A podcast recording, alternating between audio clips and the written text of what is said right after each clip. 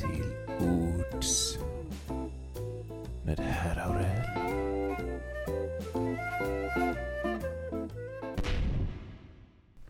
Hej och välkomna till Till Ords med herr Aurell, podcasten som vältrar sig i skivan Till Bords med herr Aurell.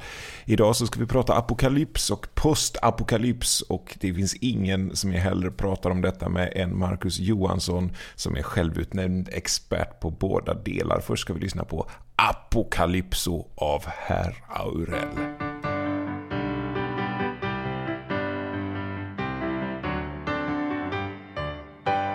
Nu skriver tidningen att det blir krig igen. Det står om spridningen av hat och ett för hett klimat. Snart rasar alltihop och vi får plundra Coop. Sen blir det hockeyskydd på stan och byta barn mot mat. Och det finns många skäl att vara negativ. Men det är samtidigt en chans att bära Rambo-kniv. Och när hungern härjar så blir ju det som en äkta 5-2-diet. Så låt oss ta en snaps för systemkollaps. För när polis och vakter flyr så blir det du som styr. Det blir som att vara del av ett datorspel Där man har pannband och gevär och går på äventyr. Och han din granne som spelar bas var kväll Kan du plötsligt hugga ner och ha som björnskinnsfäll Du kan frysa köttet och sno hans hoj. Oj, oj, oj, det här ska bli skoj. Så oj tar korna slut får vi ren och boj och du slipper från dina studielån. Jag tror att apokalypsen blir skoj. Det blir så vilt och fritt, finns inget mitt och ditt. Ser man ett öra man vill ha så bara ta och dra. Ja, det blir åka av, snart kan du ha en slav. Bygga hus intill ett vattendrag går också bra. Och när du kastar dig från en explosion tränas rygg och stuss och vader och du får motion. Och du slipper från din tandläkartid när tandläkaren vilar i frid. Så oj, snart är vi barn på nytt, bara skrik och stoj. Ja, det blir tält och svärd i en sagovärld. Jag tror att pojken jag var ska få skoj. Vill du hellre sitta där och vara sur och pessimist och känna känslor för de barn vi snart ska steka? Ja, då är det lite ditt fel om vår sista tid blir trist när det kunde vara som att gå ut och leka.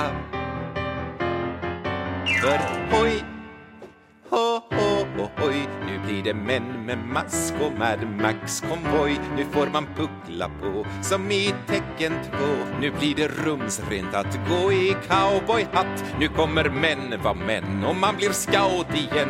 Jag tror att apokalypsen blir, apokalypsen blir, apokalypsen blir skoj. Hallå, hallå och välkommen till Till Ords med herr Aurell. Här sitter jag, Ola Aurell, och dricker kaffe tillsammans med Marcus Johansson som är komiker och driver klubben Oslipat i många olika städer och även expert, får man väl säga, på apokalypsen och postapokalypsen. Ja, det får man. Ja. Det får man faktiskt. Vi har precis lyssnat på min sång Apokalypso. Det, det har vi och det är första gången jag hör den. Jag har aldrig tidigare hört den låten. Ehm, och mina första intryck av den är att uh, jag blev lite varm i själen, det blev jag. Eh, Och jag, jag, den, den tilltalar mig väldigt mycket. Eh, det, det gör den. Du, blir man varm i själen av att tänka på apokalypsen? Ehm, ja, jag tror, jag tror många eh, blir det eh, på sätt och vis. Um, framförallt postapokalypsen då liksom. Ehm, kanske inte lika mycket i, i någon slags Ragnarökstanke där allting verkligen skulle ta slut på Jag riktigt. att många ändå tröstas, men det kanske Mm. inte det slut. Då kanske man tänker sig att det ska leda över någonting annat. Ja, precis. För det, det var det jag tänkte komma till. Att liksom, de, jag tror att... eh, För postapokalypsen är ju på ett sätt ett lite antiklimax jämfört med de här Ragnarökstanken där Ja. man får ett fredsrike efteråt och så får man bara ett Precis. sunkigt Mad Max-rike Exakt, exakt. Eh, nu, nu är jag inte så kunnig i just fornnordisk mytologi. För där har jag, till skillnad från andra många eh, eskatologiska berättelser i andra religioner. Så har jag fått intrycket, men jag kan ha fel, att inom den fornnordiska mytologin så är det verkligen slut med Ragnarök. Alltså det, det är över. Eh, till skillnad från eh, de flesta monoteistiska religionerna, framförallt kristendomen där, där man blir utlovad ett först ett tusenårsrike av fred och välstånd på jorden och efter tusen år så lyckas då eh, djävulen slita sig lös igen. Och då, då, äh, då börjar Gud om från början helt. Liksom, då, då skrotar han jorden och och upprättar himmelriket och eh, återuppväcker de döda och sådär. Så det är först tusen år av... eh, härlig, eh, jättebra, Bra bra, samhälle liksom. Men fortfarande ett världsligt samhälle. Det är, det är inte perfekt med ett världsligt samhälle. Men Jesus sitter där på kungatronen och sådär. Och en vanlig mansålder är sådär 800 år liksom. Eh, är någon slags Väcks de döda upp också till det, eller? Är det Nej, sen? inte, inte till tusenårsriket. Nej, okej. Eh, Så om vi nu säger att Jesus skulle komma tillbaks eh, imorgon och Men man lever typ kanske 800 år av precis, de tusen exakt. åren. Ja, ja, precis. Så att det, det är rätt nice ändå liksom. Så det, i generationer räknat är det ändå bara som ett ganska kort rike. Ja, Alltså absolut. om man hade absolut. räknat Ja, ja. eh, såhär, Nazityskland som skulle vara det tusenåriga riket, då kanske Mm. det bara var 10 år. Om man räknar per ålder, åldersenhet, Ja. så kanske de ändå är ett eh, 100-årsrike då. Ja, exakt. Precis. Det var Hundraåriga vad de riket. Det låter inte så, så häftigt. 100-årsriket, nej, det är faktiskt inte. Det, Nej. det, Och- och inte ens speciellt- med det här väldigt tillkämpade Nej. försvaret av... Och speciellt inte eftersom de bara, då Nazityskland lyckades nå upp i 10. 10-årsriket låter inte alls imponerande. Nej men tänk att medellivslängden var ju ändå kortare så Ja, på rätt ja, det är ändå bra här. Ja, det är väl okej liksom. Ja. Nej, men... ehm, Tioårsriket är inte så imponerande nej.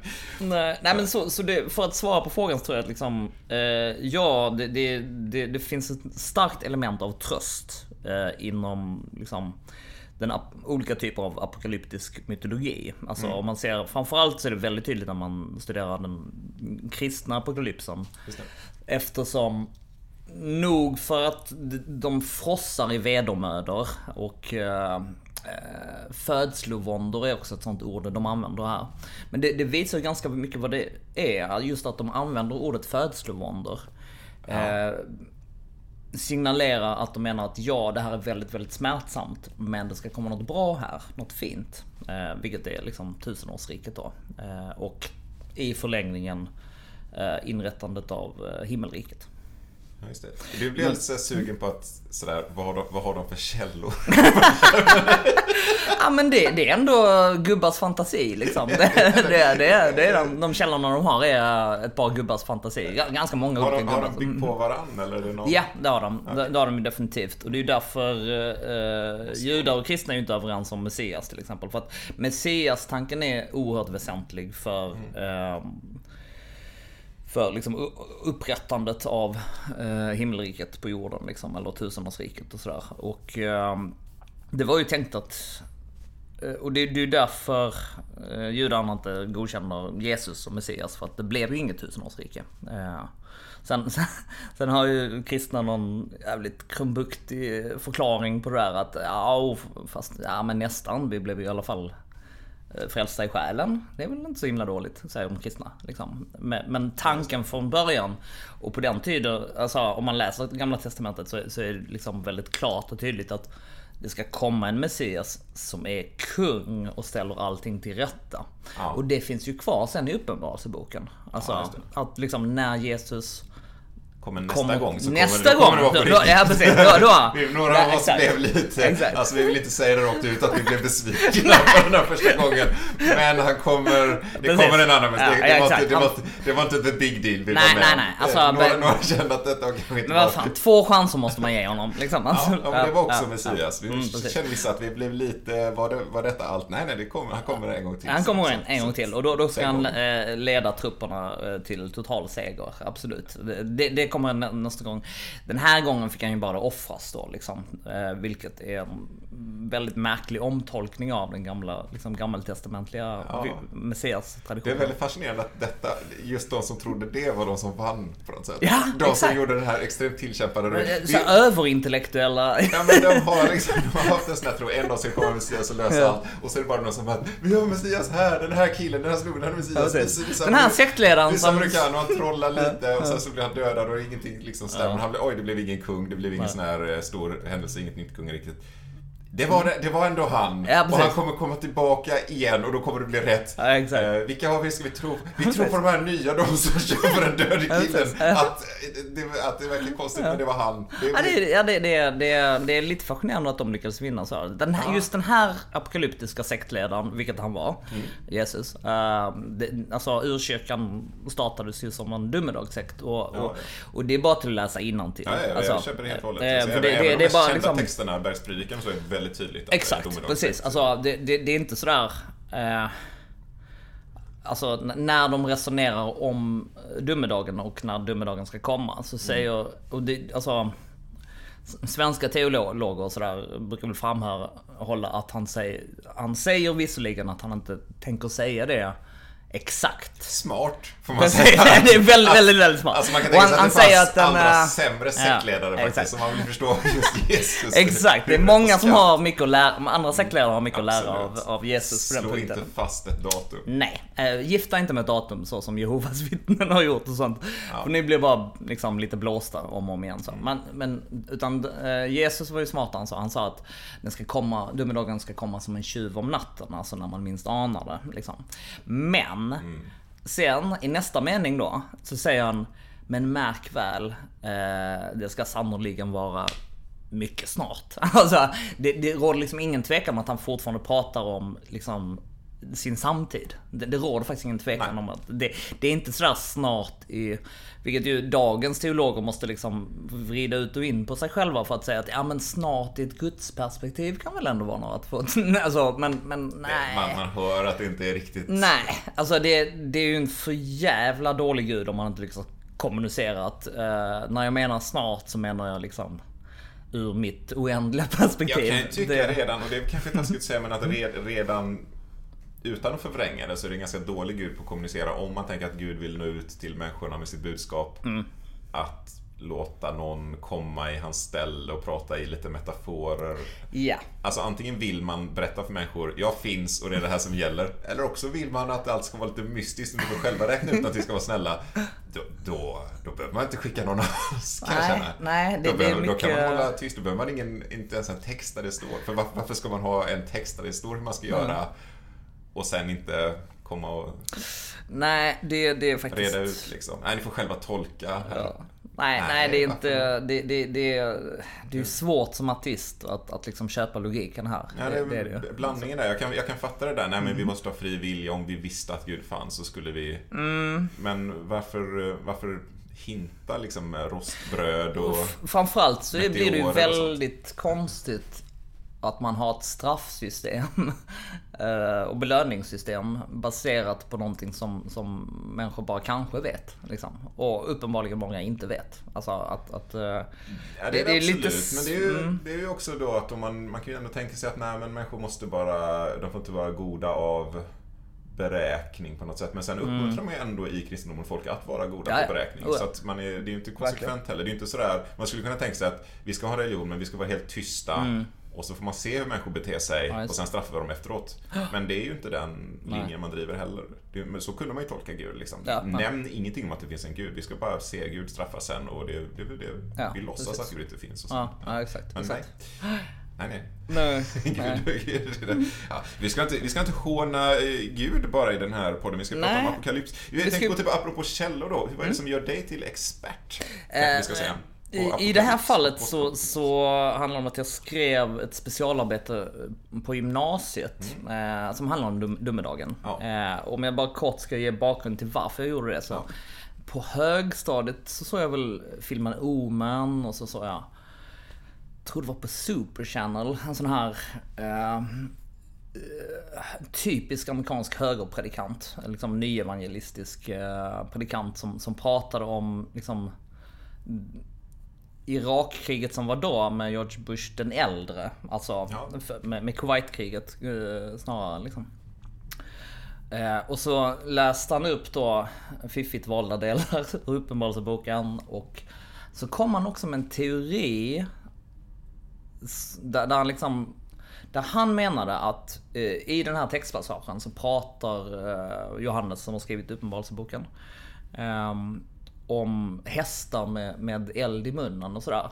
Och så, så pekar han på eh, ja men typ stridsvagnar och sådär. Att liksom att om en, en människa för flera tusen år sedan hade sett de här nyhetsbilderna så vad skulle den människan använt för språk för att liksom beskriva en stridsvagn? Ja men det är typ häst med eld i munnen liksom. Ordet stridsvagn förekommer i Bibeln. Den nej, gör jag vill det? bara, jag vill bara gör det? in det. Okej. Ja, Ah, även okej. i Gamla Testamentet. Ah okej. Om du åkte till pansarvagnsmuseet i Skövde så står det ett stort bibelcitat på väggen. Nej är det sant? Okej, Ja. okej. Eh, och jag kan inte i huvudet men det är något som går ut på att eh, eh, när Joshua återvände till landet så besegrade de folken som bodde i bergen men de kunde inte besegra dem i dalen för dessa hade stridsvagnar av järn. Eller något sånt där. Så det är en liten hyllning till stridsvagnar. Mm-hmm. Just det, Det är ju, det är ju gammaldags stridsvagnar förstås, som dras av hästar. Ja, just det. Just det. Precis. Ja, nej, men i alla fall, kort sagt så, så som artistisk uh, ung människa så, så hade, blev jag väldigt nyfiken för jag hade svårt att förhålla mig till det. Eh, eh, och, och det där eh, satt kvar hos mig lite. Alltså just att jag blev intresserad av uh, Uppenbarelseboken och, och i vilken mån liksom det, och det är vanligt förekommande i annan eh, kultur och populärkultur och sådär. De pratar till exempel i filmen Mike Lees Naken. Eh, så finns en scen där huvudpersonen där pratar om eh, talet 666 från Uppenbarelseboken. Och hur eh, och just då var det väldigt mycket på paket, eh, tapeten. Att eh, det gick att tolka EAN-koder som, som eh, 666. Ah, Så då var eh, teorin i spelfilmen eh, Naken av Mike Lee var att eh, vi kommer förmodligen tatuera in EM-koder i, eh, i eh, det här hemska antikristsamhället som är på väg att komma. just det. Där var ju bara inom ramen för fiktion. Det, är- ju bara liksom en, eh, ja, en knäppskalle som säger så i en film. Men, jag tyckte ändå, eh, eftersom de pratade om det även lite varstans i media om, om den här, det här fenomenet. Så, så var det ytterligare en sån grej som gjorde mig mer nyfiken på men vad är det här för profetia egentligen. Liksom. Ja. Eh, och då blev först, min första infallsvinkel till specialarbetet var att jag skulle skriva om hur man har liksom tolkat Uppenbarelseboken förr. För i alla tider, alltså från det att den skrevs och till och med innan den skrevs, eh, så, har man alltid kunnat hänvisa till bibliska texter. Eh, att, och ge bevis på att det är nu slutet är nära. Liksom. Eh, så, men, men tyvärr så hann jag liksom aldrig så långt för jag upptäckte att jag som artist var tvungen att läsa in mig väldigt, väldigt mycket på liksom, eh, olika eskatologiska föreställningar och framförallt då eh, den kristna eh, apokalypsberättelsen. Det finns ju olika apokalypsberättelser. Mm. Eh, Och vi berörde ju Ragnarök förut. Jag, jag tror, min bild av Ragnarök är att det i alla fall fanns en sen eh, Ragnarök där man också tänkte sig ett fredsrike som skulle komma efteråt. Men att det kanske är Ja, en okej. kristen modifiering, att någon Balder... Ja, jag, jag vet faktiskt inte. Nej, jag jag, jag, jag, studerade aldrig Ragnarök ordentligt. Nej, och jag tror inte säker på att... man har inte ett oändligt uh, antal källor heller på det. Nej. och, och de Nej, källor som finns kan ju vara sena och påverkade av kristendom och så. Vi får se nu, nya Marvel-filmen som kommer om en månad. Thor, Ragnarök. Eftersom det inte är Den kan ju sista också filmen. vara påverkad av kristen- kristendomen. Att de har kommit i kontakt ja, med de lärarna. Ja, eh, ja de, de tar ju lite friheter med den nordiska mytologin i Marvel-filmerna. Det gör de faktiskt. Eh, eh, så, så det kanske inte ska anges som en eh, kanonisk källa, den nya Marvel-filmen. Men eh, jag är väldigt nyfiken på den i alla fall. Absolut. Ja, vi ska återgå lite till det här med apokalyps, postapokalyps och se. eh, det- det- Jag vill dels veta favoriter på apokalyptiska scenarier men också, också för och nackdelar egentligen. Om vi börjar med det här postapokalypsen som vi pratar om, för det är egentligen Ja. det som sången handlar om här. Ja, precis. Eh, och det är ju egentligen den väldigt enkla idén om att det blir nog härligt efter apokalypsen. Just det, för att nu, nu fastnar vi lite i liksom den lockelse som eh, den kristna apokalypsen eh, har, har eh, haft eh, genom århundradena. Och, och det tolkar jag väldigt mycket som att liksom man, man upplever världen som väldigt svår men det finns ett lyft, löfte om att runt hörnet så kommer himmelriket. Eh, och det, det, den, den eh, tanken är ju inte svår att Nej, förstå. precis, det är den är ju väldigt enkel Jag har ju också, och vi, vi pratade om det här lite, lite tidigare också idag, att, att um, jag tror att det finns andra lockelser i det som är, Ja, är mörkare också. Jag tror att det Precis. finns en rent destruktiv längtan Absolut. i att man... Det finns säkert ett, ett, eh, att man kan uppfyllas av hat som ES till Ja. exempel som ES är, ju Alltså, en är ju en- starkt eh, uttalad apokalyptisk sekt. Eh, alltså de, de hymlar ju inte med att de försöker kallstarta apokalypsen genom att starta krig. Ja, och det känns också som att de gillar att döda och slå Oh sönder ja, saker. oh ja. Även om de också har sin paradisvision så finns det också mycket dödsförhärligande i det. Det är härligt, Oh ja. härligt att dö och döda Absolut, och och framförallt folk. bara förstöra allt Ja. det som är orent och fult Ja, och, och- och, ont. Liksom. Att, att krossa det som är ont eh, är ju liksom en, en väldigt destruktiv kraft. Det är lite som Shiva i, inom hinduismen. Liksom. Ja, Att, att det liksom... Eh, det, och det finns ju en glädje i att, att liksom den där, den där förstörelsen också som ska eh, rensa upp för att man sen ska kunna bygga nytt. Liksom. Ja. Men, och väldigt ofta så, så är det just inte att man pratar så mycket om hur det ska bli när man bygger nytt. Utan man... man Nej, det är, det är ju slående både, och det gäller ju en viss typ av kristna naturligtvis också, men det gäller också eh, revolutionärer naturligtvis som drömmer Ja. om den kommunistiska revolutionen. Att Ja. visst finns det ett idealsamhälle som ska byggas efteråt, men ibland teoretiseras det inte så mycket om det. Det teoretiseras om hur dålig, dåligt det nuvarande systemet är Ja. och vad som ska leda fram till den stora revolutionen när, när de dåliga ska rensas ut och de goda ska få upprättelse. Så det finns, det finns Mm, precis. mycket av en slags ska man inte reducera men det finns lite av en vålds och hämndfantasi i. Precis, precis. Och här tycker jag liksom den moderna postapokalypsen blir intressant. Just av den anledningen att den tar faktiskt vid där eh, förstörelsen har Ja, mer eller mindre upphört i alla fall. Alltså, eller det, den stora förstörelsen har vi i alla fall bakom oss. Ja, just det. Och på det sättet så är ju eh, den moderna postapokalypt, de moderna artistiska postapokalyptiska berättelserna väldigt intressanta tycker jag. Och jag, jag de, de har fascinerat mig mycket också och säkert av flera olika anledningar. Men, men en sak som jag tilltalades med de, de här moderna postapokalyptiska berättelserna är just att det finns ändå en skildring av liv till varje pris. Det finns en skildring av att även när det är som allra, allra mest hopplöst och allt det som vi värdesätter i ett, upplyst demokratiskt samhälle är borta så finns det ändå någon slags vilja till liv och fortsättning. Och det, det finns något vackert med det tycker jag.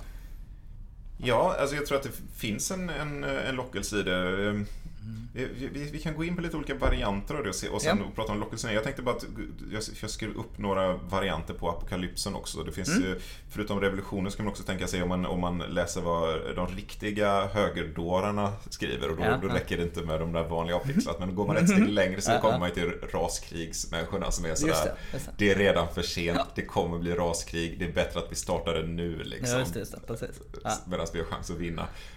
Och där känner man ju också att, att det finns en längtan efter våldet, undergången och kanske reningen. Men det är ju inte så mycket prat om vad ska, vad ska vi göra sen när vi har Mm. Inte. färdigt liksom. Vad är det vi vill ha sen sådär. Nej. Och, det, och det där är ju genomgående och så är det ju inom... jag tänker också några andra sådana här, det är ju ett drastiskt exempel, men sen finns Mm. det också de här, eh, vad heter han, Travis Bickle, vad heter han i Taxi Just det, det är? Travis Bickle, Ja, eh, som drömmer om den där eh, regn som ska spola bort alla från stan. Eller Bob Exakt. Dylan som sjunger, det finns ju mycket uh, uppenbarelseboken här. Ja, Time They Are Changing Ja, äh, Hard citerar ju. fall och Ja, precis. eh, Mm. When the ship comes in. Det är mycket, det är mycket att allt det här gamla ska spolas bort. Japp. Och det är inte så mycket hur, det, hur härligt det ska bli och, och så här konstruktivt. Så här skulle jag vilja att samhället ser ut i framtiden. Jag tänkte ut en, ett jättebra samhälle. Mm, Om vi har en sån här konstruktion. Det finns ingenting sånt. Det finns bara den här, allt det här ruttna bygget som ska rivas. Nej, alltså människans fantasiförmåga just när det gäller att föreställa sig det vackra, goda och liksom idealsamhället, utopin. Eh, den, den verkar vara rätt begränsad liksom. Ja, precis. Du hade någon... eh, Ja, eh, jag citerar i mitt specialarbete från gymnasiet då, så cit- citerar jag Hjalmar Söderberg från Den allvarsamma leken. Finns det en dialog där, den, där den ena... Det är Lydia Stille frågar huvudpersonen, eh, vad är lycka? Och så svarar han i Uppenbarelseboken, så när, när författaren till Uppenbarelseboken ska beskriva lyckan, den högsta ly- lyckan, så, så beskriver han eh, himmelriket som eh, är det som då tar vid efter tusenårsriket. Beskriver han som en jasmingrön stad med friskt vatten och diamanter och, och pärlor liksom. Så fattig är människans fantasi när det kommer till den högsta lyckan. Eh, jag tycker det, det, det, jag tycker, jag tycker det, det, det säger väldigt mycket för det, det är precis så det är när det gäller alla de här apokalypsberättelserna. Att det finns inte mycket att orda om eh, när, när det gäller till vad, vad är det vi hur vill vi att liksom, paradiset ska se ut? Utan det är mycket, mycket mer att man frossar i, eh, i blod och hämnd och eh, så vidare. Så är det helt klart. En, en intressant sak då med postapokalypsen är väl att istället för att eh, ap- apokalypsen kommer och man ersätter den med himmelriket så kommer det bara vara dåligt. Sen, alltså den är lite uppgiven. Det, det stora eh, raskriget eller revolutionen Ja. eller vad det nu är. Ja, Eh, klimatkatastrof är väl också ett bra exempel på apokalyps. Ja, det är det verkligen, verkligen. Och där, där är det ju lite... eh, Och där finns ju också den här straffretoriken inbyggd så att Oh, ja. säga. Det, det ligger, det ligger det. parallellt spår med det väldigt strikt vetenskapliga och det är väldigt eh, vi, vi förtjänar inte att Ja. det så här bra, vi måste straffas, Absolut. naturen måste ge igen. Exakt. Det finns exakt. väldigt starkt eh, stråk i det hela tiden. Ja men det, det gör det verkligen att det, det är precis som att det finns ett eh, inbyggt system av straff om vi inte, om, om vi liksom blir för själviska och konsumerar mer än vad vi klarar av och, och utnyttjar jordens resurser och sådär. Och jag, jag tror ju för övrigt på eh, klimatförändringar. Eh, vill jag, absolut. jag, jag, jag tillhör inte förnekarna. Liksom. Nej, det, det Däremot så jag tror jag... Jag, jag fascineras Ja. mycket av hur, hur de här... eh, Dä- Däremot tror jag det rör till att man, man är så moralistisk när man pratar om det. Jag, jag tycker jag tror också inte att det är bra. Liksom. Det, det var som att säga, det två eller tre trådar som flyter ihop på ett sätt som jag ibland irriterar mig på. Så Ja. jag, jag är inte minst intresserad av att ifrågasätta vetenskapen i det, men man, Mm. man sätter den i samma säck som det här lite moralistiska apokalypsspåret och Mm. Ja. det är lite grann, eftersom det är så här så måste vi genomföra måste vi pumpa in pengar Mm. i alla som säger att de behöver pengar och detta får inte ifrågasättas eftersom detta är den stora sanningen. Och det, är liksom, det tigger om att gå snett någonstans för mig när man, Ja. man är sådär Vi måste blint lita på auktoriteter nu. Vi har inte tid att ifrågasätta auktoriteter. Och det, det, det finns en naivitet i den sortens logik Absolut. som jag har svårt för. Men, men det är, Absolut, för det, handlar det, om- blir ju panikåtgärder. Alltså, och det, det, är så uppenbar risk för korruption också. Jag Ja, ja, väldigt, ja, eh, ja. dels korruption men, men också att liksom, ja men man låser, låser sig fast vid eh, första lösningen. Liksom. Eh, Ja, precis. Första eh, det- det- lösningen. man- Man, man, säger visst, ingenting får kritiseras. eh, inga investeringar kan vara felaktiga i det här. Alltså det finns, en- det finns en våldsam Precis. övertro på att Ja, någon ja. bara kan sätta sig ner, räkna ut hur allt ska lösas och så följer man det spåret Ja. utan att checka av ifall någon eh, har gjort fel Ja. eller om det funkar eller inte. Jag, jag tycker det är... Ja. Och jag, jag, minns också för liksom eh, sådär 14 år sedan ungefär när George W Bush pratade om klimatförändringarna och, och sa att liksom det, det är ny teknik som kommer till att, att, att lösa klimatförändringarna. Och hela, alltså, ja men alla jag kände typ. eh, Och all världens mediemänniskor bara hånskrattade åt honom.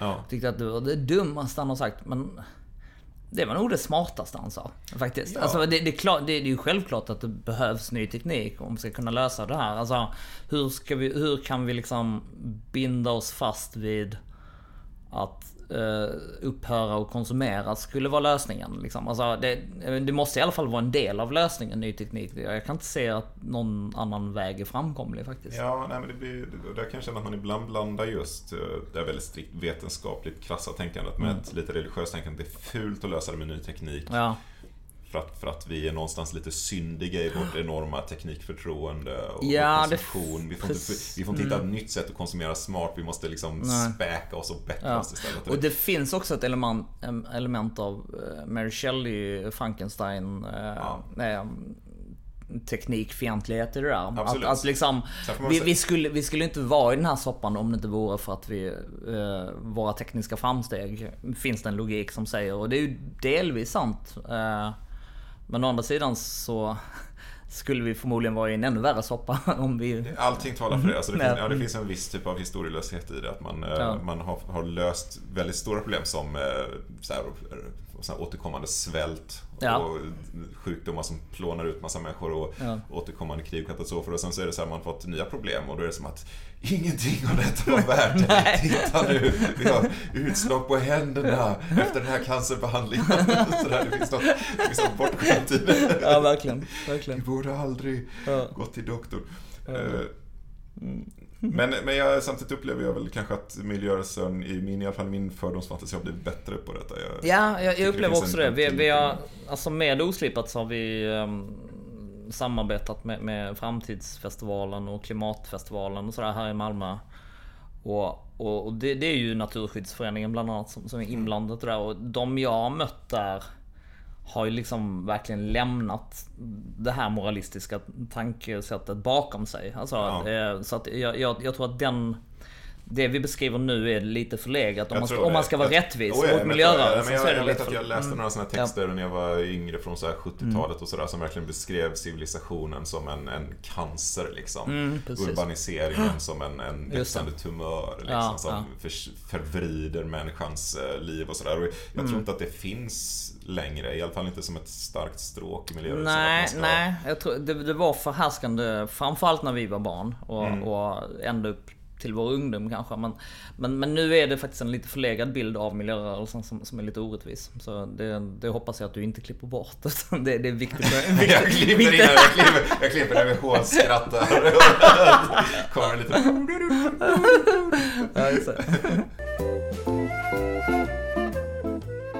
Ja, eh, allt kommer redigeras noga. Vi ska... eh, Olika visioner på postapokalypsen. Vi pratade lite förut, försökte gå igenom de här olika eh, visionerna som finns och att det är något ganska nytt och så försökte vi gå på vilka gamla grejer det finns. Och på ett sätt är ju i alla fall den moderna postapokalypsen knuten till eh, kärnvapenkrig för det mesta, eller, Mm, eller i viss mån miljöförstöring. Så Ja. det, det är liksom ett, ändå ett efterkrigstidsfenomen Ja. kan man ju säga. Absolut. Sen pratar vi också om sådär att man, folk ändå har haft ruinromantik och romarrikets fall och så, men Just att det är det. inte riktigt samma sak. Nej, alltså jag, jag, tänk, jag tänkte också på, alltså om man ska genrebestämma eh, postapokalyps eh, som en del av en science fiction-genre kan man säga. Eh, Då, då, då tycker jag att då, då faller det utanför ramen att prata om tidigare eh, civilisationers fascination för gångna civilisationers undergång. Liksom. Eh, det, jag, jag, tycker inte det är riktigt samma sak. Utan jag, jag skulle nog se det postapokalyptiska som, som en uh, konstnärlig genre som har blossat upp. Och liksom kulminerat nu. I, i faktiskt vår livstid. Ja, liksom på samma sätt som det, det fanns... Uh, Vi kanske ska det fanns... fast direkt att du är lite trött på genren redan. Ja, det kanske jag ska säga. jag, jag, jag, är rätt så, jag, jag är rätt mätt på postapokalyps och jag, jag, jag gillar inte det längre. Men vi alltså, behöver några exempel också ifall någon lyssnare har, jag vet inte om vem som orkar lyssna så här långt och inte vet vad det är. Men, men äh, jag tänkte på en ganska tidig faktiskt, är Apornas planet kan vara en postapokalyps? Ja, det är det. Eh, jättebra exempel. Mm. Um, för att det, det, är svårt att sätta liksom en, en, startpunkt, men Apornas planet är kanske den perfekta startpunkten. Det finns ju tidigare verk, ja. som till exempel uh, I am Legend, som baserar sig på, jag tror det är en fransk novell. Ja.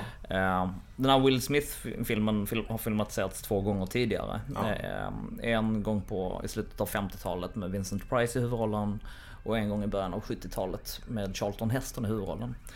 Och den är ju tidigare än Apornas planet. Eh, men är också postapokalyptisk. Men, men jag tror att Apornas planet är nog den som mer inspirerade till fler postapokalyptiska filmer och böcker eh, på 70-talet. Ja. Apornas planet kom 1968. Mm. Eh, och under 70-talet så, så, finns det flera stycken liksom, som, som till exempel eh, en film som de visade på Super Channel när jag var ung. Om och om igen. En gång i veckan visade de okay. den. Eh, eller det var någon jävla kanal i alla fall. Som ingick kabelutbudet som heter A Boy and His Dog. Ja. Eh, det är Don Johnson, en ung Don Johnson. Okay. Som man senare såg i Miami Vice. Han, han går omkring med en hund som kan prata. okay. Och det är efter stora kärnvapenkriget. Okay. Så, är så den han, han har, den här Ja, hunden? som jag fattade. Eh, men, men det var liksom innan datoranimationens tid. Så att han rör liksom inte på sina hundläppar. Utan man bara hör hans tanke. Det låter oerhört lättsamt. Fast det är det inte. Det finns en helt groteskt eh, makaber jävla våldtäktsscen. Som Don Johnson, huvudpersonen vi ska identifiera oss med, utför. Och det anses liksom helt oproblematiskt. Vänta lite nu. Det här, det här det låter ändå som en ganska ovanlig film. Det är en, ja. hund, det är en film med en pratande hund där huvudpersonen våldtar. våldtar. Ja. Jag tycker att bara den kombinationen Ja, och lyssna på det här ja. Efter halva filmen, alltså första delen av filmen är väldigt lik Mad Max. Alltså det, det måste ha varit en inspiration till Mad Max-filmerna som kom sen. Mm. Uh, Um, för då, då, då, då, är det liksom ett ökenlandskap med uh, olika typer av raiders och, och liksom, det, det, det, är bara stora gäng som, som mm. samlas. Men sen i mitten av filmen så hittar han en lucka och kommer ner till underjorden. Där det ser ut som en amerikansk småstad från 40-talet. Oh. Men där alla är vitsminkade av någon jävla anledning. Det känns också lite 70-tal liksom. Ja, jo, det är lite, den är, är jättebisarr. Liksom. Ja, den sista, det är så här, uh, det här är kanske en smal referens men ja. Peter Gabriel Genesis var ju vitsminkad på 70-talet. Mm. Mycket så här teater. Ja, man kunde fortfarande vara sådär klä ut sig lite till mimare när man var ett rockband under en mm. kort period, eller till glamrocksperioden också. Ja, just det. Så. Ja, jag vet inte om det är en självklar koppling. nej, nej, det, det lät bra. Det, nu, nu öser vi på med referenser här. ja, jag bara, det, det var ja. fast ett, ett, moment av liksom, vi kan kluta oss och sminka oss. Ja. Ja, nej men det, det är en väldigt, väldigt eh, bisarr film som jag, jag, jag är ju oerhört svag för den typen av små surrealistiska 70-talsfilmer som... Vi ska ändå återvända till uh, apokalypsen här. Vi hade lite olika postapokalyptiska och postapokalyptiska scenarier. Yeah. Apornas planet. Jag skulle också säga att Noaks ark är en tidig. Ja, det är det ju. Um... Vi kan uh, Ja. Kanske, jag... kanske inte på alla sätt. Vi tar några till. Jag ser, mm. Mad Max har vi pratat om förut. Ja, är precis. en eh, stark kandidat som också nog var väldigt trendsättande på 80-talet. Ja, och där, jag skulle faktiskt vilja uppehålla mig lite vid Mad Max. Mm. Just eftersom den har varit så extremt inflytelserik på, på den postapokalyptiska estetiken. Alltså det, det, det, jag tror det är få verk som, alltså rent estetiskt, har, har påverkat vår bild av postapokalypsen så mycket. Alltså till och med liksom Waterworld, som ju utspelar sig på, liksom bokstavligt talat, Mad Max raka motsats. Istället för öken så hade de vatten. Liksom. Men till och med där så, så ju liksom, figurerna var ju klädda som filmerna i, i Mad Max-filmerna liksom med någon slags biker, eh, sadomasochistiska... Eh, det är mycket biker, mycket. Det är, mycket, det, ska man förstå det som en underliggande teori att om vi tar av alla civilisatoriska skal, all sån här pynt, alla politiskt korrekta idéer vi har om tekalas och spretande fingrar. så det vi har kvar sen det är biker. ja, med SM-inslag. Biker och SM. Det är, liksom, det, är det, det är under alla, all fernissa. Exakt. Det, jag, jag tycker det får vara din tolkning och jag lägger mig inte i den. Nej, men, nej, men, men det finns också en annan förklaring mm. trots allt i just Mad Max-universat. För att eh, det är ju inte förrän Mad Max 2 som, som Mad Max-filmerna blir direkt postapokalyptiska. Eh, Mad Max 1, som för övrigt är en urusel film som, som snabbt, knappt ja. går att titta på. Mm. Uh, obegripligt att den blev en sån succé tycker jag.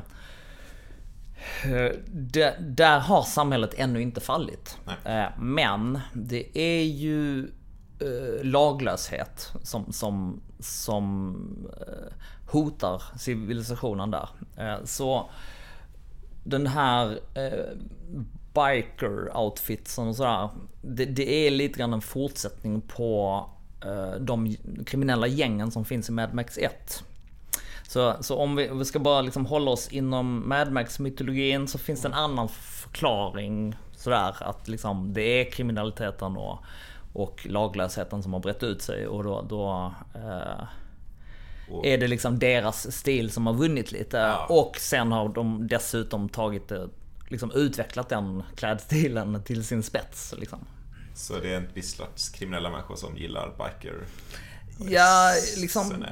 Ja, det, det blir ju alltså så som man ändå får se Mad Max-filmerna i, i det stora hela. Så, så utvecklas det från att civilisationen rämnar och då blir det ju egentligen eh, att, att man delar upp sig i gäng istället. Det är ju ganska mycket klantänkande egentligen. Alltså, eh, att, eh, och de, det här är ju kriminella gäng liksom. Eh, där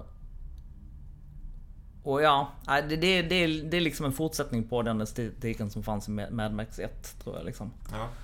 Eh, men, men sen är det ju The Road Warrior, Mad Max 2, som, som är, var den liksom... Där stilen blev väldigt uh, tydlig. Uh, med... Uh, med läder och kedjor och hockeymasker och skit liksom. Som sen man har sett i vart och vartannat eh, postapokalyptiskt dataspel efter det. Liksom. Just det. Som Fallout. Som vi som bara har spelat mycket. Precis, du kanske ja. har spelat ännu mer får man nog säga. Ja, jag, jag har spelat mycket Fallout. Alltså jag, jag kom inte in i Fallout när det begav sig på 90-talet. Utan jag, jag, jag hoppade på Fallout-tåget, blir det, 2006 eller något sånt? När mm. Fallout 3 gavs ut. Ja. Um, och, och, det blev jag väldigt förälskad i. Det, där, jag ägnade en hel sommar. Det var, jo, 2008 kommer jag ihåg. Det var, sommaren 2008 var jättefint väder och jag stannade inomhus varje dag. Och bara spelade Fallout-spelen. Och eh, jag ångrar inte en minut av det. Jag, jag, jag la liksom 120 timmar lätt på det. Alltså. Ja. Fallout är ju ett mm. spel där man går runt och eh, ja, man skjuter och ja, det är en rollspelsvärld helt enkelt. Man det är en rollspelsvärld. hittar saker och blir bättre ja. på det man gör. Skjuter och eh, blir rikare och utför äventyr och sånt. Ja. Och eh, jag tänkte sådär, det finns ju vissa saker som är gemensamma naturligtvis med postapokalyps. Som kanske borde då förklara lockelsen i det. Och det är ju dels kanske lockelsen i känslan av att världen går under, så att det är den här destruktiva längtan som mm. vi redan pratat om. Ragnarök ja. har ägt rum och det är liksom härligt att få se hur reklamen har brunnit upp och en massa människor som man hatade och samhället och polisen har utplånats. Men det finns ju också, det finns ju dels lite så Adam och Eva, det kan finnas en sån här gå tillbaka till lustgården på ett lite perverterat sätt. Som ja, finns i, det, fi det finns ju ett element av att det är ju liksom på sätt och vis en enklare tillvaro mm. när, när man in, när, när det är så grundläggande bara överleva för dagen. Mm. Eh, att det, det, det finns någonting befriande i enkelheten i det hela. Ja. Eh, och det, jag är ju helt säker på att jag inte skulle tycka att det var befriande om, om jag faktiskt fick uppleva det på det- riktigt. man jag, jag, skulle, jag skulle en inte slags- överleva tre dagar i En slags fallout gröna vågen-tänkande Ja, och sådär. Man som att flytta ut på landet och jobba med sina händer igen. Och vara Ja, inte så ja, många. och... ja, alltså det, det är ju liksom... Ja, ja, men allting ställs ju på sin spets där med... med eh, ja, äta eller ätas liksom. Det handlar just om att vi människor faktiskt eh, har utvecklats i samklang med vår miljö och våra förutsättningar. Och det är det som har varit våra förutsättningar. Så därför finns det också en njutning med ag- aggressivitet till exempel. Och det finns en njutning med våld. Liksom. Eh, så länge man, man, man kan fantisera om att man skulle gå vinnare, vinnande ur den striden. Liksom. Eh, så, så därför tror jag att liksom, jag, jag, jag, jag har väldigt svårt att se att den fascinationen skulle upphöra inom den närmsta tiden. Men, men däremot så ser jag det som oerhört sunt att vi har eh, förpassat den till fantasin numera. Oh ja. Och jag, jag tycker extra roligt blir det ju liksom när man, man kollar på 80-talets videovåldsdebatt. Oh ja. och, och liksom hela den diskussionen, för det, det råder ingen tvekan om att liksom våldet på film och i tv-spel har bara blivit grövre och grövre och grövre.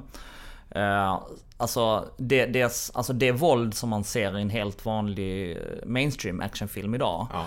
Är ju faktiskt bokstavligt talat värre än vad man någonsin får se i Motorsågsmassakern. Ja, alltså, det, det är mycket mer splatter. Och samtidigt så har vi liksom våldet i verkligheten minskat och minskat och minskat. Oh ja, alltså, och speciellt vår tolerans för liksom, ja men, helt vanligt fylleslagsmål var fortfarande inte ovanligt eh, när, när mina föräldrar var unga liksom och sådär. Och det var inte särskilt ovanligt när jag växte upp heller. I jämförelse vad det blir nu. Så att, eh, ja, jag, ty- jag, tycker det, det jag, jag skulle vilja säga att, apropå videovåldsdebatten från 80-talet, att vi, nu börjar vi få ett facit. Att ju mer vi förlägger våld till dataspel och, och film, Och det skulle- desto skulle det- mindre gör vi det i Skulle verkligheten. det gå så långt som att vi behöver grövre våld i datorspelen? Ja... Eller, Ja, jag, jag känner att det är ganska lagom faktiskt.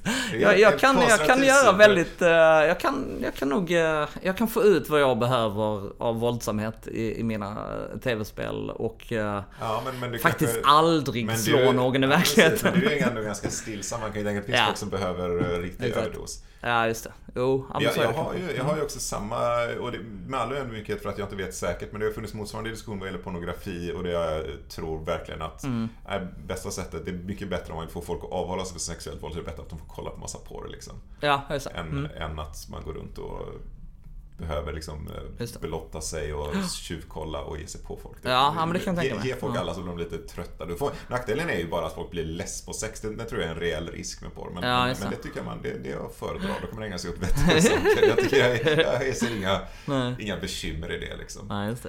Eh, inte, det, det, är ett bondeoffer i sammanhanget att folk blir uttråkade av varandras kroppar. Ja, just det. Det kan vi leva med. Men, men å andra sidan, jag, jag, jag, man får ju vara ödmjuk då. Ska vi liksom bara ösa på våldet och porren liksom in i kaklet?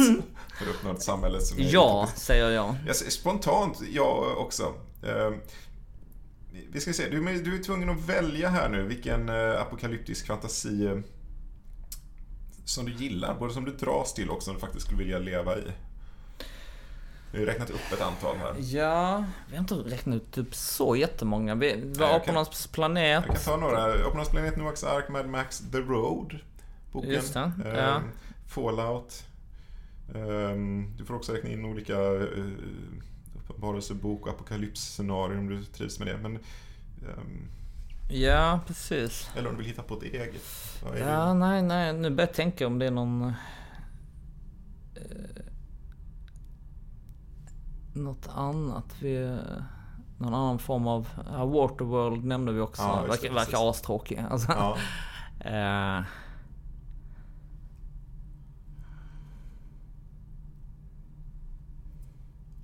Ja, det är de du har att välja på. Ja, ja det, verkar så. Det verkar I am så. legend också. Ja, just det. Precis. Ja, den är ju jätteotäck. Den ja. skulle jag absolut inte vilja... Nej. eh, nej, då får det nästan bli Fallout tror jag. Och så skulle jag nog satsa på att vara en karismatisk sektledare där.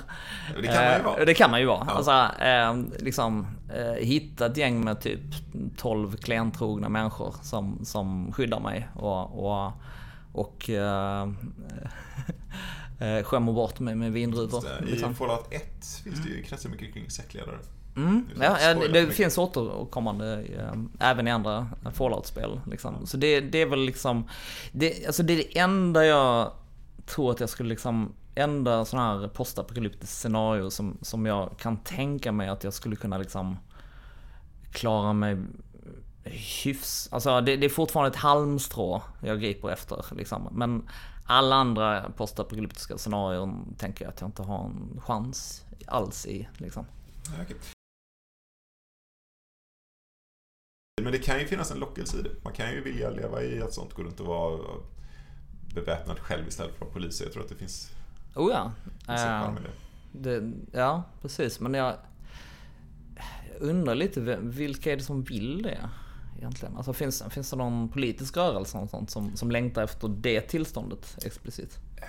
Ja, det är ju intressant eh, vilka det skulle kunna vara. jag, jag, tänker till och med de allra, allra mest nyliberala människor Mm. eh, vill ju ändå ha ett våldsmonopol som, som styrs av staten. Alltså, de, Ja, svaret är att ja, det vill de. Sen finns det ju de som ändå vill att, ja, fast det är nog bra också att medborgarna är beväpnade. Mm. Så att vi kan skydda oss mot staten. Så att på någonstans så är de inte, gillar de inte statens våldsmonopol helt ut. Men det där är lite så här... eh, jag vet inte vad de kallar sig. Sen har du ju också som sådana mer riktiga anarkister som ju på pappret säger att nej, hela, all stat ska bort. Men då kommer människor också påverkas så mycket av mm. strukturomvandlingen att de blir goda och tar hand om varandra. Ja, Men de precis. har i regel också en, en annan föreställning om eh, hur eh, ett statslöst samhälle fungerar. De skulle, Ja. inte, de skulle inte godta att naturtillståndet är att folk eh, dödar varandra utan de skulle gå tillbaka till tiden innan liksom, jordbruket och säga att nej men stenåldersmänniskorna var rätt fredliga. Liksom. Det, Mm. det finns en del som talar för att när man började inhägna i mark och odla upp jorden och vara bofast så av naturliga skäl så finns det större skäl att gå dit och matförråden. Mm. Precis. Sådär. Ja, exakt. Och Det det, det, det, ja, jo, det, det finns ju den här eh, ädle vilden eh, Det föreställningen. bygger mycket på det och det är väl Ja. ett skäl till att den sortens liksom 1800-tals anarkism kanske Ja. inte står så högt i kurs. Liksom. Eh, Då, då, då fokuserade man rätt mycket. Den tidens stat börjar ju också mer också ta pengar från vanligt folk och ge till de rika på ett annat sätt. Det är ju så gammal Ja, beskattning. ja. Ja, så här, Ja, exakt. det som var det bästa Exakt. samhället, ni ska slippa betala skatt också. Ni är ju, ni är ju mer Ja. värda så att vi tar bara skatt av de Ja, här fattigaste. ja. Så- Och det, det måste, alltså det, det är så roligt med politiska ideologier och, Mm. och liksom eh, en stark anledning till att man aldrig ska gifta sig till, med en politisk ideologi är ju att Mm. samhället förändras och då, då, då kan man inte använda gamla lösningar liksom, för, för att lösa nya problem. Eh, Nej. Och just det du sa där är faktiskt väldigt viktigt att komma ihåg att liksom när liberalismen kom, då hade man i stort sett bara sett beskattning som, som tog från de fattiga och gav till de rika. Liksom. Eh, det, det, det, man hade inte sett mycket annat av, av samhället. Liksom. Och det, där kan jag nog ändå se en annan funktion av postapokalypsen som genre. Att, att det faktiskt ändå ställer det som vi tar för givet på sin spets. Liksom. Alltså, alltså, lite tvärt emot vad vi har pratat om tidigare. Att liksom, det, det, det finns också ett element av ett varnande exempel. Alltså, och det, det är egentligen väldigt självklart och någonting vi kanske borde ha nämnt från början. Att liksom, det är ju inte, det är långt ifrån självklart att det här skulle vara en genre som hyllar det postapokalyptiska. Nej, nej, det- det är väldigt- väldigt sällan som det gör. Exakt. Eh. För det, det, det, jag menar, det är så självklart så att vi nämnde inte det. Nej, precis. Utan att det är ju trots allt en varning. Ja, så här Det är det illa kan det gå. Så här illa kan det gå liksom. Och där tycker jag, jag vill gärna återvända till Mad Max-filmerna just eftersom de varit så tongivande. Att jag, jag tycker det bara är intressant att just eh, The Road Warrior, som, som, som blev den stora succén som gjorde att Mad Max 3 kom tidigare, kom senare. Mm. Var, alltså den har ju ett intressant eh, scenario på det sättet att den handlar om att oljan tar slut. Ja. Eh, och och det, det finns en sån, faktiskt en väldigt stark verklighetsförankring i... det- dels så hade det funnits... oljekrisen. Exakt, oljekrisen på 70-talet gav ju den filmen sin idé, säkerligen. Plus det vi har nu med, med klimathotet. Eh, och, och liksom att det, det som filmen är rädd för är att liksom, nu har vi byggt upp en civilisation som faktiskt trots allt grundar sig på att vi har eh, ett enormt energi eh, tillflöde i form av olja. Men vad händer om det energitillflödet upphör? Eh, och då är ju Mad Max 2 svar att allting går helt åt helvete. Och då blir det stenåldern fast med bilar. liksom. Ja, det, det, är och- ett, det är ett paradoxalt bilfokus. Ja, det det är, precis. Och de kan köra hur länge den som enda, helst på Den en enda bank. komponenten man har plockat bort är liksom bensin. Och allting fokuserar bara kring bilkörning. Det är, liksom, det, det är ingen som ägnar sig åt liksom att ah, men vi stannar här och brukar jorden istället och skiter i att köra så mycket. Utan vi kör bara, vi ska bara ägna oss åt att köra bara bil. köra bil. Alltså. Och då kan jag Och tänka mig att de gör något, de gör något tillsammans bättre. Det är, liksom, Mad Max 4 är det ju är det mest... av en panikreaktion. Ja, det exakt. liksom. Mad Max 4 är ju ännu mer absurt liksom. Där, där åker de ju över liksom, eh, De åker ju hur många mil som helst bara för att hämta en tank, tankbil. Och det, det är ju otroligt energi, alltså de, de har helt hel- fallfärdiga bilar. Eh, gamla skrotbilar som är hur energisnåla som helst. De kan nå, nå hur långt som helst på en enda tank. Liksom. Ja. Så eh, ja, nej, det är... Preppar du för katastrofen? Samlar du mat? Sånt? Vattenrenare? Nej, det är jag he- gör- hemligt ja, man ska inte säga det. nej. First rule of prepping. Exakt, Don't exakt. your prepping. Nej, men jag måste lära känna sådana människor. Precis, men det är därför de inte Eh, berättar. jag, jag har inte råd att preppa faktiskt. Jag, jag, har inte, jag har inte så mycket pengar över varje månad så att jag kan göra det. Nej, Skulle du vilja göra det? nej, nej det skulle jag inte. Eh, Jag, jag, jag tror ändå att om jag skulle preppa va, alltså, de närmsta tio åren och göra det ordentligt så tror jag att allt skulle vara borta efter en helg när det kom en, ett gäng rövare och tog det från mig ändå liksom. Så, För du skulle inte ha vapen. Skulle du vilja ha Ja. vapen? Är det en sån... Ja, alltså, alltså om, vi, om vi leker med tanken att det skulle vara fullfjädrad postapokalyps så som det brukar skildras, där alla Ja. andra har vapen, nej, då vill inte jag vara den enda som inte har vapen. Det, men, Om, du, om vi bara säger att du bor i USA och du kan bara gå till din, din vapenaffär och köpa vapen. Hade du köpt vapen? ehm, ja, men när, när, när... Om jag trodde att det, det låg runt hörnet hade jag gjort det, men, men jag, jag tror inte det kommer bli så. Alltså jag, jag, jag, jag tillhör inte dem som som tror att apokalypsen kommer till att komma nu. Så, så, så nej, därför du känner jag inte att för säkerhets skull är det gött att ha ett vapen? Nej. Du gillar inte tanken på att... Nej, jag tycker, jag tycker. Nej, jag, jag, jag vet inte. Jag, jag, vill inte. jag har nog inte skjutit med ett riktigt vapen i verkligheten. Så jag vet inte hur kul jag skulle tycka det var. Liksom. Men det, det är inget jag fantiserar om sådär. Utan jag är väldigt nöjd med, med, med att skjuta och ha mig i, i tv-spelsvärlden. Tack så jättemycket för att du tog dig tid. Ja, ingen orsak. Det, det var har roligt att prata med dig. eh, Marcus Johansson och detta är Till ords med herr Aurell. Till ords med herr Aurell.